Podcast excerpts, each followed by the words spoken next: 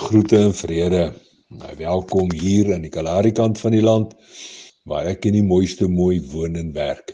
My naam is Haie Kronje en dit is vir my 'n voorreg om saam met jou hier by die kuierplek op die vlak te sit. Vanmiddag lees ons in die boodskapvertaling die 19de versie van Deuteronomium 30. En daar staan geskrywe: Vandag gee ek vir julle die keuse. Kies tussen lewe en dood Kies of jy wil hê dat dit voorspoedig met julle moet gaan en of julle teenspoed moet agter julle aantrek. God in die hemel en al die mense op aarde sien wat julle vandag kies. Ag, mag julle tog maar die lewe kies. Dan wag daar 'n wonderlike toekoms vir julle en julle kinders en kleinkinders.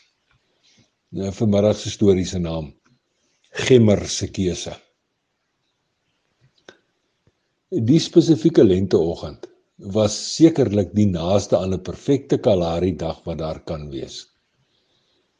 Die geelwit sonnetjie wat doeksag op jou vel bak terwyl 'n koelerige windjie leierig uit die suide stoot. Nou dit herinner 'n mens onwillekeurig aan Vader se onbeskryfbare liefde en uitgestrekte genade.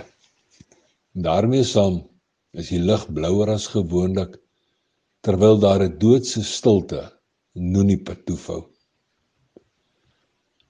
Gemmer het heel te vroeg haar onskuld van kindwees verloor toe sy self op 11 jarige ouderdom, dis nou met haar al twee haar ouers se goedkeuring, besluit het om nie meer skool te loop nie. Die aanloklikheid van 'n vrye wye wêreld sonder verantwoordelikhede was net te groot. In deesdae, deesdae dwaal Gemmer doelloos rond. Al ewig soek na iets iets konkreets, iets waardevols, iets standvastig en hopelik is sy op soek na iets wat betekenis gee. 'n Genadeloose en ongenaakbare wêreld het nie sagkens met gemmer se menswees gewerk nie. Haar vermorste binnevoering basyn elke dag hierdie tragiese boodskap oor die vlak heen sodat almal dit kan hoor. 'n Boodskap van lewensvreugdes wat geblus is asook kosbare lewensdrome wat onbereikbaar wyd agter die groot en hoë dwarsduine van die lewe weggesteek is. En van ver af het ek haar sien naderkom.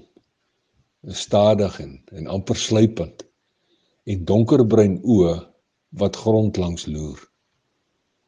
Vol verbasing steek sy vas toe ek haar op haar naam roep en met swaaiende arms nader wyf. Sy kom so skuifel skuifel aangedrentel en ek kan sien sy verstaan nou glad nie wat aan die gang is nie. En die mooiste mooi wat in hierdie tyd ook vergemmer deur die kamervenster sien aankom het, het intussen uit die kombuis uitgekom en vir haar by die skuinshekkie gaan wag.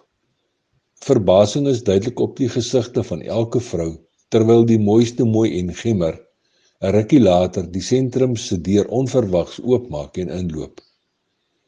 Nie een van hulle het ooit verwag of selfs daaraan gedink dat Gemmer dapper genoeg sou wees om spore op ons erf te kom los nie.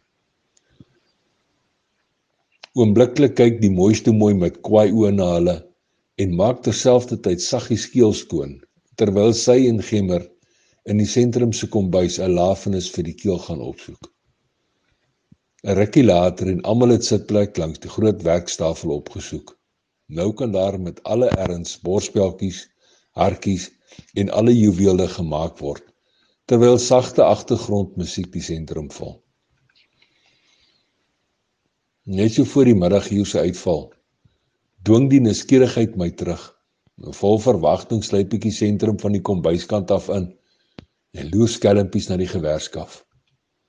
Met haar donker oë stip gefokus op die hartjie wat sy op daardie stadium in die hand het konsentreer gemmer om hakie daaraan vas te plak. Met die begin die mooiste mooi vertel van daardie nimmer eindigende binnekant stryd wat ons as mense goed elke dag beleef en ervaar.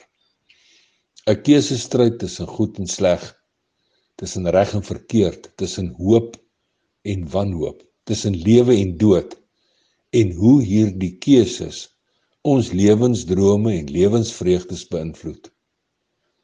Kort kort haal Gemmer haar fokus van die hakkie af en luister aandagtig en kopknikkend na die mooiste mooi. 'n Uur of wat na die middaguur en Gemmer se plek langs die werkstafel in die sentrum is leeg. Heel leeg.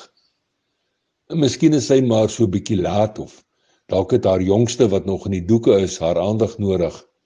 Dink ek by myself terwyl ek die sentrum se deur agter my toe trek. Met die gedagte steeds vars in my kop, breek daar 'n onaardse geskel en 'n gevloek voor die drankwinkel se groen deur uit. Oombliklik kyk ek op en is net betyds om te sien hoe stofwalm stilweg getuig van Gremmer se grondpad val. Henrik wat vingerswaaiend nader strompel, struikel oor 'n oorlaamse straatbrak en slaan ook onseremonieel neer. Sommer net daar. Daar langs die wynwinkel se groen deur. Daar kiep Gemmer en Hendrik so half bo oor mekaar terwyl die geelwit sonnetjies se warm strale hulle te vergeefs herinner aan Vader se onbeskryfbare liefde en genade. En deesdae deesdae as gemmer steeds soekend. Soekend na iets, iets konkreets, iets waardevols. Gemmer is steeds soekend na iets standvastig en hopelik iets wat betekenis aan die lewe gee. Ondanks Vader se onbeskryfbare liefde en uitgestrekte genade kies die jonge gemmer om steeds doelloos rond te strompel en te ploeter op 'n vernietigende lewensreis na nêrens. Nou ja toe, tot 'n volgende keer. Los mooi spore en sandkorrelbei seëninge.